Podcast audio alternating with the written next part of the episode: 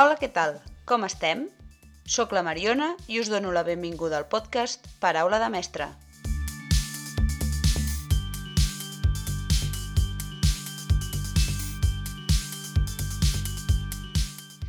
Avui, segona part de l'entrevista amb la Núria.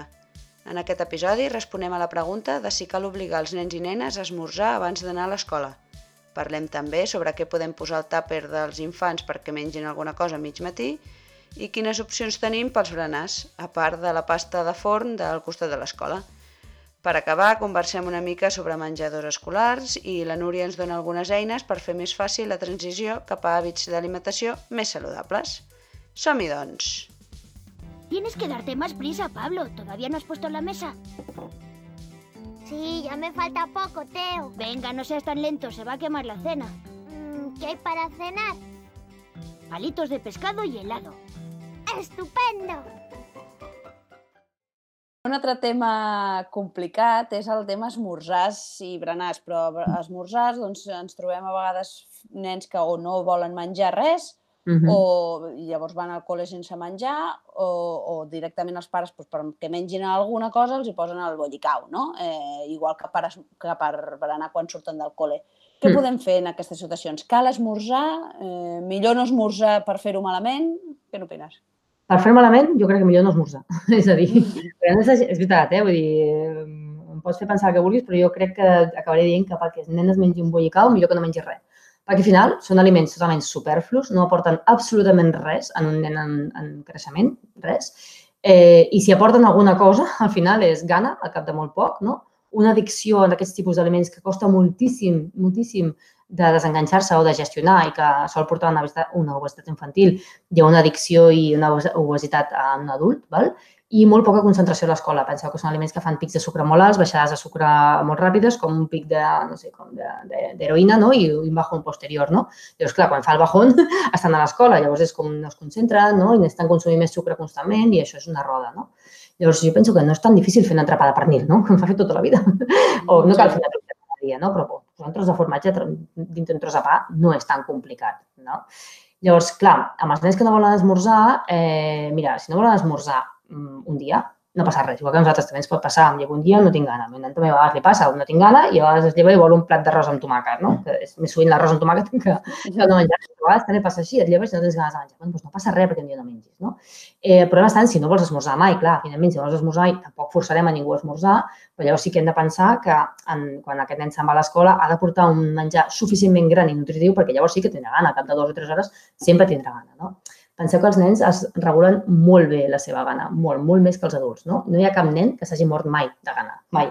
Els hem viscut a l'Àfrica tres anys i ja us dic jo que per molt poc menjar que tinguin, no es moren de gana eh, en molts dies sense menjar. Trigaran moltíssim a morir-se de gana. Per tant, per un dia nen no mengi, no passa absolutament I res. això aquí segur que no passa en un país eh, desenvolupat i occidental, o sigui, està clar. primer que et dius, el nen t'està robant la xocolatina, el calaix de xocolatines que tenim, que no haurien de tenir. Llavors, eh, Correcte. Perquè a més és un calaix que està a l'abast dels nens. que Jo no ho entenc. Els pares tenen el calaix, un calaix fàcil d'accés sempre on estan totes les porqueries, no? en lloc de tenir les verdures. No? Llavors, a veure, heu de pensar això, que com us dic, els nens regulen molt, molt bé la gana, molt millor que els adults, perquè nosaltres a vegades mengem doncs, o per compromís, o per addicció, o per falta de temps, o per estrès, o per ansietat. Els nens no, els nens mengen quan tenen gana i deixen de menjar quan ja no en tenen. Encara que allò que estiguin menjant estigui molt bo, deixen de menjar. O sigui, diuen, ja està, prou, no en tinc més, no? En tinc més gana, no necessito més. A més, també penseu que l'estómac d'un nen és petit. A vegades intentem posar-los unes porcions de menjar que hi cap a l'estómac. A vegades també pensem, ostres, vinga, menja't això i això i això i a sobre el got de llet. I dius, que no li entra. No pot menjar tot això de cop en una mateixa sentada. Potser de menjar d'aquí una hora una altra coseta, no? A més, d'aquí hi ha nens que no volen esmorzar llet o similars, i això em passava a mi de petita, i mira que la mare m'obligava a mi a beure'm llet cada dia, eh, perquè som intolerants a la lactosa, jo ho he sabut més endavant. Llavors, clar, són coses que és que no ens senten bé. Llavors, un nen petit potser no és capaç de saber que no li senta bé, però sí que és capaç de saber que això que, que no, que no li entra, no? Jo tenia la sensació que em posaven un iogurt de Danone d'abans, dels típics d'aquells de pot de vidre, no? I que em feien cada que feien una cullerada, hòstia, semblava que el iogurt es multiplicava per dos, no hi havia manera d'acabar amb el iogurt, és que no podia acabar amb el iogurt, em venien les ganes de vomitar, no? O jo m'havia got de llet i jo anava a un col·legi que estava una miqueta lluny, anava amb cotxe i vomitava al cotxe, o sigui, era pujar al cotxe i vomitar, i ma mare m'ho deia, és que no hi havia dia que no entressis al cotxe i vomitessis al cotxe, el cotxe ja era com, una olor a vòmit constant, dic, bueno, clar, és que jo la llet no la tolerava, però cada matí el got de llet, no? Llavors, ostres, a mi això m'ha traumatitzat molt amb el got de llet i amb els iogurts de postre i ara ho entenc, ara, clar, ho he entès 30 anys després, no? Llavors, a vegades sí que si hi ha coses que realment mm, et diuen que no, doncs tampoc cal forçar-los. Molt bé. I llavors, eh, quina, per exemple, també quan surten a la tarda, molts sembla que no hagin menjat en tot el dia, Clar. i suposo que el recurs fàcil és, doncs, això. Sí que, sí que és veritat, eh, que, que moltes, moltes famílies eh, porten l'entrepà o porten la peça de fruita, però sempre acaba caient el croissant o sempre acaba ca- caient alguna coseta així no tan saludable, diguem-ho així. Sí. Què podem fer? Saps què passa? Que jo crec que acaba, acaba, caient més, eh, perdona, acaba caient més el croissant i tal, perquè moltes vegades els pares van a buscar el nen sortint de la feina cap a l'escola. Llavors, no han previst que el nen ha de berenar. Llavors, no han previst emportar-se la seva feina al matí el berenar del nen seu a la tarda. Llavors, Clar. és la de previsió. Si tu te'n vas a treballar a les 9 del matí i no penses que vols que el teu nen breni un plàtan i no t'emportes un plàtan a les 9 del matí a la feina, a les 5 de la tarda no tens un plàtan a la mà i tu sortiràs de la feina, arribaràs directament a la porta del col·le i no portaràs res, pararàs a la fleca, que sempre hi ha una fleca o una, botiga, una botiga de xutxes al costat d'un col·le, sempre, i tu li compraràs. Primera, perquè has creat una addicció, has creat un hàbit, no? I tu ja no tens l'hàbit d'emportar-lo, no? Llavors jo crec que si ens ho emportem sempre és més fàcil. Clar, no tothom viu al costat del col·le, té el temps d'agafar i preparar l'entrepà just abans d'arribar a l'escola, no? Però els paquis venen plàtans uh, per unitats. jo el primer que va anar a menjar van ser plàtans. La primera paraula que va aprendre a dir va ser banana. El nostre fill és adoptat, va arribar aquí amb dos anys. La primera paraula que va aprendre a dir va ser banana i és perquè mirava els Minions i els Minions deien banana, no? Llavors, quan ell tenia gana, deia banana. Llavors, clar, l'inflàvem a plàtans. Hi havia dies que es fotia quatre plàtans en dos anys, no? Llavors, paràvem aquí i deia banana, banana, i compràvem bananes. Llavors, vull dir que ha, sempre, hi ha un paqui, igual que sempre hi ha una fleca. Vull dir, sempre podeu parar un paqui i comprar un punyeter plàtan, que a més és més barat que comprar una, una magdalena o una peça de, de xutxeries o qualsevol cosa que, vull dir, que, que, que puguem tenir, no? Molt bé. I sí, suposo que si el primer dia li dones només el plàtan, doncs el segon no et demanarà el croissant perquè no li has donat abans, suposo, no? Vaja. Te'l pot demanar, de dir, clar, forma part de tu dir no, no hi ha croissant o avui hi ha un entrepà. Igual que si te vas a comprar les fleques venen també entrepans, eh? entrepans al costat de les, dels croissants. Què passa? Que solen ser més cars, és veritat, vull dir, no, no ho negarem, no? I això també influeix una miqueta. Sí, suposo també que si veus sortir el company i en el company li donen la magdalena, doncs suposo que també. És l'altre. Jo amb això, amb el client ens costa. Bé, bé, Penseu que el client menja moltíssim i li portem fins a quatre berenars diferents. Cada camí de col·le a casa, que hi ha tres carrers, es menja els quatre berenars, eh? I, clar, quan surts, el primer que hem de fer és apartar-lo una miqueta de, dels altres nens, no? O començar a donar una miqueta de menjar i llavors ajuntar-nos al parc, perquè, clar, la majoria de nens mengen pa amb xocolata o pa amb alguna cosa, no? I jo me'n recordo el primer dia que em va dir, mama, jo te vull pa amb xocolata. I pensava, bueno, no farem pa amb xocolata, no? I, clar, jo feia pa amb truita i els nens menjaven pa amb xocolata. Ja no només a la sortida, sinó a classe a mig matí, a les hores de mig matí, no? Llavors, clar, és com potser ho veu més, perquè a la sortida, si a molts nens els ven a buscar els avis o els cangurs i agafen l'entrepà i se'n van caminant cap a casa, doncs no hi ha aquesta sensació de, de com a mínim al nostre col·legi, eh, de, de fer germanor al sortir del col·le, no? Però l'àpat de mig matí que fan a classe, que s'asseuen tots amb el tàper, s'asseuen ells i nosaltres al costat. I aquí és on hi ha més, més, no? més, més enveges o més que porta, no? Sempre em diu, aquesta porta això, i aquest porta això, i aquest nen sempre porta galetes, i aquesta sempre porta no sé què. O, mama, mira, això ho porta la no sé qui, no? Llavors, eh, aquí sí que és, és més freqüent que aquí es vegi més el, el, el que ens posem al mig matí que potser no tant als berenars. Bueno, i suposo que, com has dit abans, no, són coses que no ens hem de pel que has dit, eh, no ens hem de treure, de no puc menjar mai més xocolata, no? però potser No. de, de deixar-ho, doncs mira, si hi ha la festa infantil, no? doncs llavors sí, però en moments més puntuals, potser. Que el nen ho vegi com algo més esporàdic i com de celebració, com ho hauríem de veure nosaltres. Mm -hmm, molt bé. Llavors, bueno, eh, una mica en, en relació a tot això de la indústria del màrqueting, doncs això que deies dels mira, els Minions deien banana, això és, això és positiu, però és, és la raresa, no? En la majoria, doncs, el bollicau té el dibuix de, de la patrulla canina o del que sigui, no? Com no? Com no? Pensar clar, la indústria, el màrqueting, tot això és molt complicat de lluitar, no? Hi ha una part que si nosaltres som conscients de que volem fer-ho millor i ho fem millor, doncs és, ho fem bé i per tant nen menjarà millor, no? Eh, problema està moltes vegades són això que dèiem, no? les trobades familiars o les escoles o els aniversaris o els berenars en un parc. No? Aquí no és on és més difícil, perquè si convida a una festa d'aniversari i només troba que llaminadures eh, com a regal per cada nen, no? el, xocolata, el pastís de xocolata, tots els mm, aperitius superflus, no hi ha res més, doncs clar, primera, el nen és molt difícil que no caigui la temptació de menjar això, si tots ho mengen. Segona, això és molt palatable, amb la qual a mi que ho provi li va encantar, no? Tercera, si a casa té prohibit, joder, esto es... Uau, que aquí hi ha Fanta, menjo Fanta, normal, a la meva capa no em veu, no? I clar, si a sobre no té cap opció més saludable a escollir, per molt que ho intenti, doncs no ho farà. Llavors, clar, això no ajuda quan es fan aquestes coses en grup. No? Llavors, si tu, com a tal, vols menjar millor, està molt bé, però si tota la resta que t'envolta la societat no ho fa, és difícil integrar-te aquí al mig, no? Llavors, també és que mm, jo crec que una cosa que seria molt interessant fer i això ja va per les mestres, sobretot això a nivell de P3, P4, he trobat molt, no? perquè jo me'n recordo entrar a P3, no? i la professora de P3 em va dir, bueno, i el, quan hi hagi festes d'aniversari, mm, quines galetes li portareu al Kilian? Jo, com que galetes? Que hem de comprar galetes? En la vida havíem comprat galetes, no? I clar, van veure obligats a comprar, perquè un nen és intolerant a la lactosa, per tant, que no ho he dit, a comprar alguna cosa intolerant a la lactosa per tenir a la classe, perquè quan els altres nens portessin pastís, que el nen no fos una miqueta diferent, no? I llavors pensava, ostres, que clar, és que tots els nens porten pastissos o galetes o coses per celebrar el seu aniversari. Clar, la classe són 50 nens, a un, toca mínim un per setmana, si no dos per setmana. Però clar, jo penso, entre un i dos per setmana, a part de que jo li poso, el nen està menjant un tros de pastís, un tros de galeta, un tros de xocolata, que sí, jo li puc posar un una miqueta més saludable, però no sempre és així, no? Jo sí penso, ostres, aquí és un punt també que s'hauria d'incidir una miqueteta i pensar, ostres, en lloc de portar un pastís, perquè no se li diu al nen de portar, doncs, no sé, una planta per l'escola o un llibre, un conte, no? i que es quedi a l'escola, l'expliquen entre tots, el nen ja té la sensació d'estar portant alguna coseta a l'escola no? i fan una festa que no tingui a veure amb el menjar i amb el menjar de xocolata o de pastís no? perquè això sí que m'ho he trobat molt. Llavors, què passa? Que és, és aquesta addicció que els estem generant, no? Cada vegada que és un aniversari hi ha un pastís. I sí, està bé, però clar, si al final són 50 aniversaris en, en pocs mesos, ostres, la quantitat de sucre que ha de menjar els teus nens, tot i que tu no ho vulguis, no? Que això m'hi he trobat jo, no? Llavors, sí que està que, que la indústria del màrqueting fa molt en contra de que tu puguis portar una vida saludable, però la vida social i les teves amistats i el teu entorn encara és pitjor moltes vegades, no? Sobretot quan no, no comparteixen igual que tu, no? Això és veritat. bueno, ara pensant, mira, potser portar cireres que no es fan malbé al matí i pot reparteixes dos cireres per nano. Mira. Eh... O no sé, es pot portar qualsevol altra cosa, és una goma d'esborrar fins a, no ho sé, saps? Vull dir, la, idea és fer algun detall petit doncs, eh, que no hagin de ser pastissos. Tot i aquesta cosa nosaltres en el grup de pares del col·legi ho hem parlat i ningú, ens, i ningú vol fer cas, eh? tothom vol seguir portant el pastís no? i ja tot. Bueno, perquè culturalment també som una societat, tot, eh, a Catalunya i a, i a molts llocs, eh, que tot ho celebrem amb menjar, això és cert. Clar, però si llavors volem que els nostres nens canviïn, hem de començar a canviar nosaltres. Sí, sí. Bueno, jo ja et dic, jo sóc mestra i apuntat queda. A veure si ho puc posar a la propera reunió. L'altra cosa és la publicitat que rebem, eh? que és veritat que és el que dius tu, ah, sí, sí. dirigir als nens, que és com els, les joguines de Nadal, no? quan s'acosta Nadal, que tots són publicitat perquè tu compris una joguina. Eh, per això estan ficats els anuncis en horari infantil dintre de les doncs, patrulla canina o el que tu vulguis. No?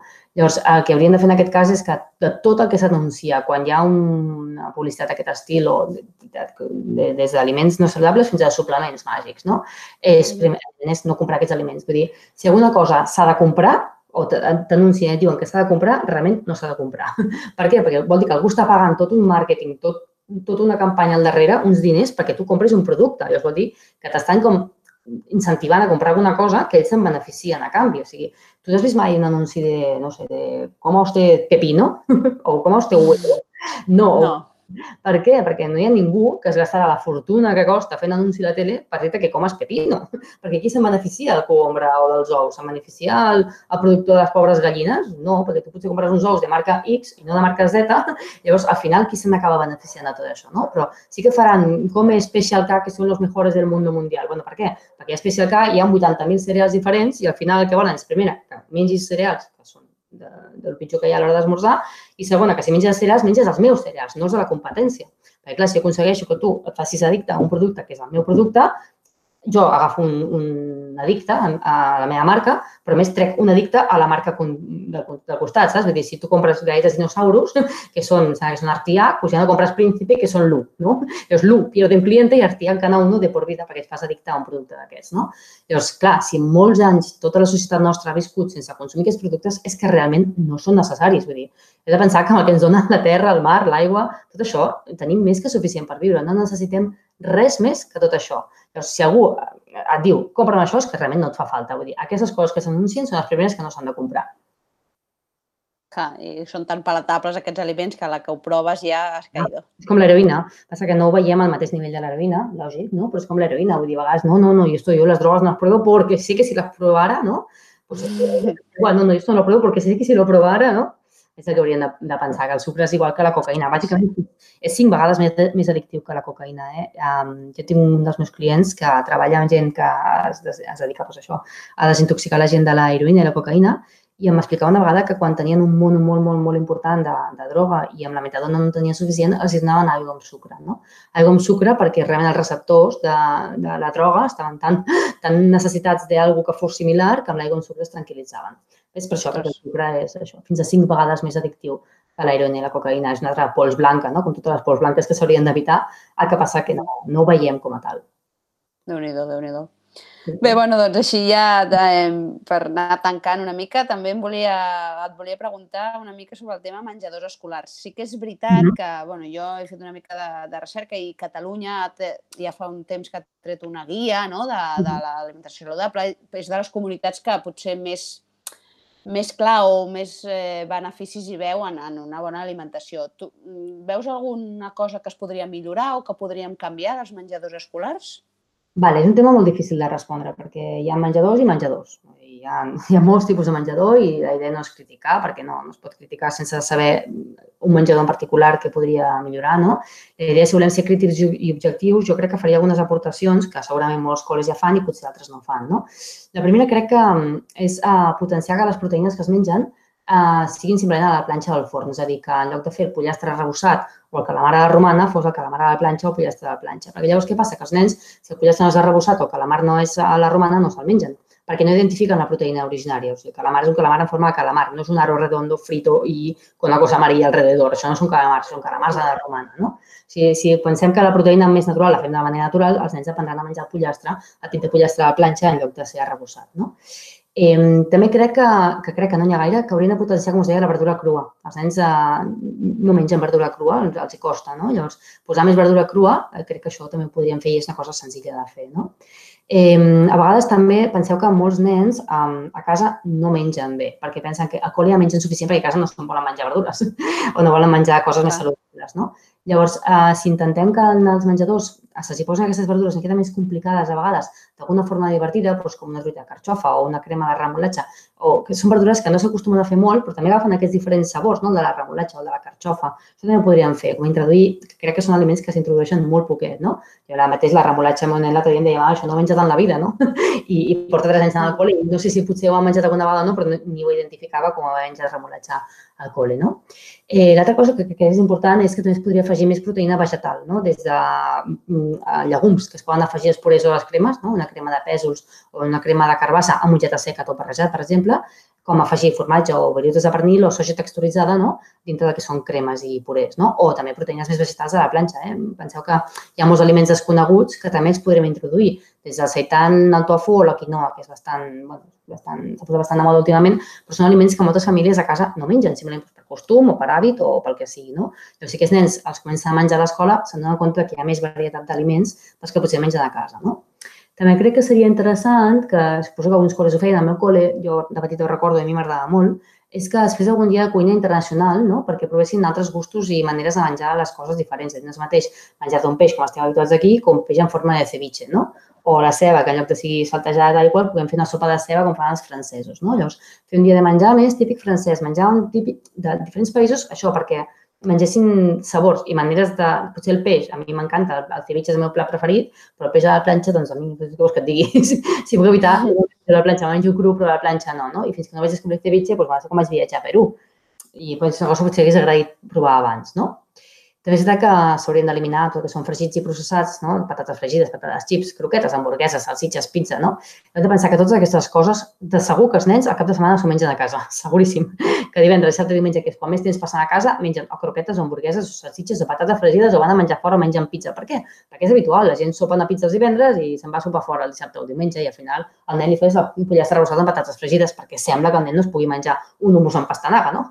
que aquesta és l'altra. Pensem que els nens mengen menjar de nen i els adults mengen menjar menjar d'adult. I no és així, un nen pot menjar qualsevol cosa igual que se la pot menjar un adult, no? Llavors, jo crec que aquestes són coses que en l'escola podrien millorar.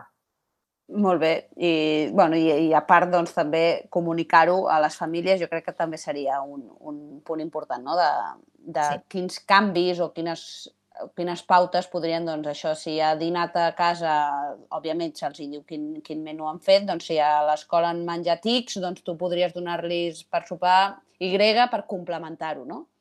Sí, el que passa que a vegades no cal complementar un dia com a tal, no? Vull dir, si hem dinat ah, o tenim per què sopar peix, jo, perquè jo crec que això a vegades també crea més estrès a les famílies que una altra cosa. Mira, avui havia sopar peix i verdura hosti, avui tenia pensat menjar pollastre i, i no sé, saps? I, i una amanida. I és com, yeah. no sé, perquè mares que a vegades s'estressen una miqueta. A mi no, perquè dic que el nen menja 25 coses sense cap tipus de lògica comú o, o d'ordre, no?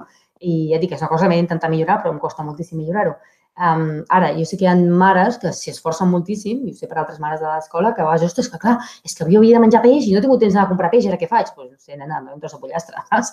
Vale. Jo crec que està bé que se'ls donin recomanacions, que haurien de ser doncs, menjar proteïna, menjar una verdura crua, menjar molt més, potser una miqueta més laxes a vegades, no?, a l'hora d'escollir, que no molt, molt fixes, perquè no són vale. ja, famílies, eh? Doncs mira, això també pot ajudar per, perquè no, no es sentin culpables, no? perquè no en, això també pot treure una mica de pes i de, de pressió a les famílies. Sí.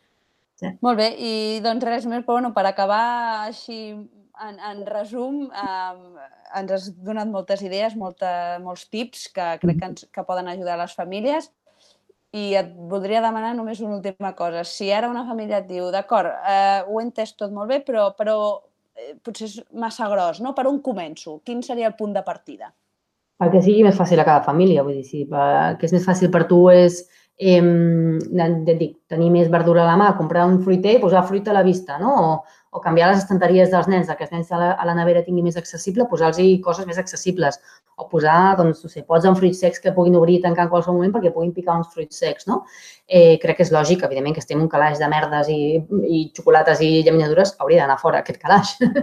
saps? Això és molt fàcil, és treure aquest calaix i fora, ja està, això en 5 minuts ho has fet, saps? I aquest calaix ara està ple d'altres coses més saludables, no? I el més important és començar a canviar un, és pensar què podria començar a canviar jo. O sigui, jo podria començar m'emporto un berenar saludable fet a casa i, per tant, ja el faig pel meu fill i, per tant, ja li porto al col·le. Això més pràctic? Sí. Això més pràctic? No, doncs començaré amb una altra cosa, no? Més més pràctic, us deia jo, tenir fruita uh, fàcil, un fruit, una fruitera plena de fruita totalment atractiva i que no només pomes avorrides, saps? Doncs pues mira, pues si més més fàcil tenir això a casa, doncs tinc això a casa, no? És buscar quina d'aquestes coses us és més fàcil incorporar vosaltres com a adults perquè al final el que feu vosaltres ho faran els nens després. Molt bé. Doncs, ostres, eh, Núria, la veritat és que ha sigut molt interessant, en, en traiem moltes idees i, i jo crec que ens servirà molt, ja no només a les famílies, sinó als adults pròpiament dit, a mm. també fer... Copien els adults, eh? Si no fem bé nosaltres, no faran bé ells. Molt bé. Doncs res més, eh? no et vull robar més temps. Moltes gràcies per venir i, i ànims amb, amb el confinament. que amb un fill a casa no deu ser fàcil. No és, no? Gràcies, Maria. Una abraçada. Adéu. I fins aquí l'entrevista amb la Núria. Un autèntic luxe haver-la tingut al podcast.